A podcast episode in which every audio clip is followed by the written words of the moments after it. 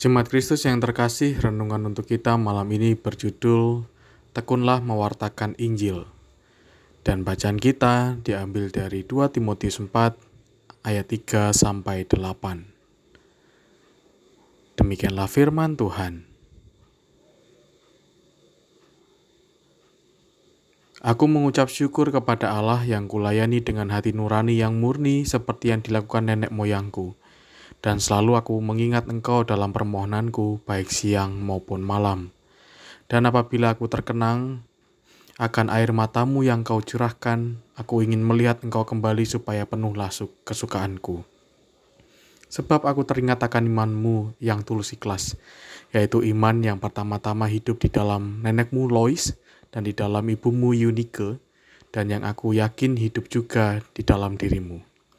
Karena itulah aku peringatkan engkau untuk mengorbankan karunia Allah yang ada padamu oleh penumpangan tanganku atasmu.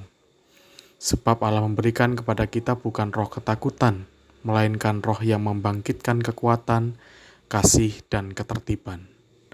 Jadi janganlah malu bersaksi tentang Tuhan kita dan janganlah malu karena aku, seorang hukuman karena dia, melainkan ikutlah menderita bagi Injilnya oleh kekuatan Allah.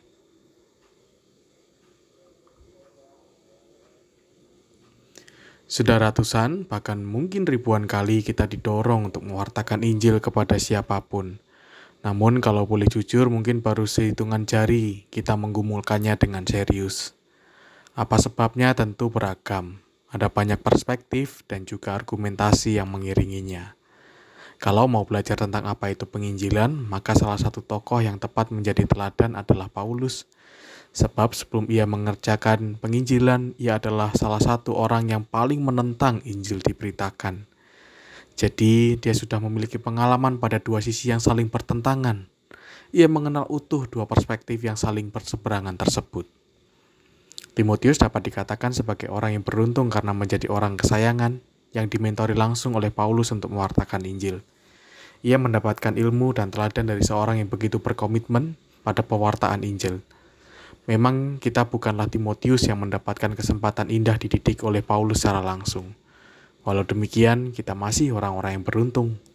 Sebab kita dapat melihat kesaksian Paulus bahkan sudah ditata sedemikian rupa dalam kanon Alkitab. Jadi, giliran kita saat ini untuk menggumulkan dengan baik. Bagaimana kita ikut ambil bagian dalam mewartakan Injil Allah kepada seluruh ciptaan. Namun sebelum melangkah lebih jauh, mari bangun komitmen terlebih dahulu kepada Allah dan mintalah pertolongan Roh Kudus agar langkah kita dijaga dan ditopang.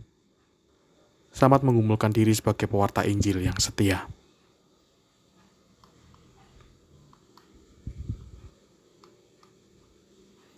Demikianlah renungan malam ini. Semoga damai sejahtera dari Tuhan Yesus Kristus senantiasa memenuhi hati dan pikiran kita. Amin. Jemaat yang terkasih, mari bersatu hati untuk menaikkan pokok-pokok doa yang ada dalam gerakan doa 21 GKI Sarwa Indah. Mari berdoa.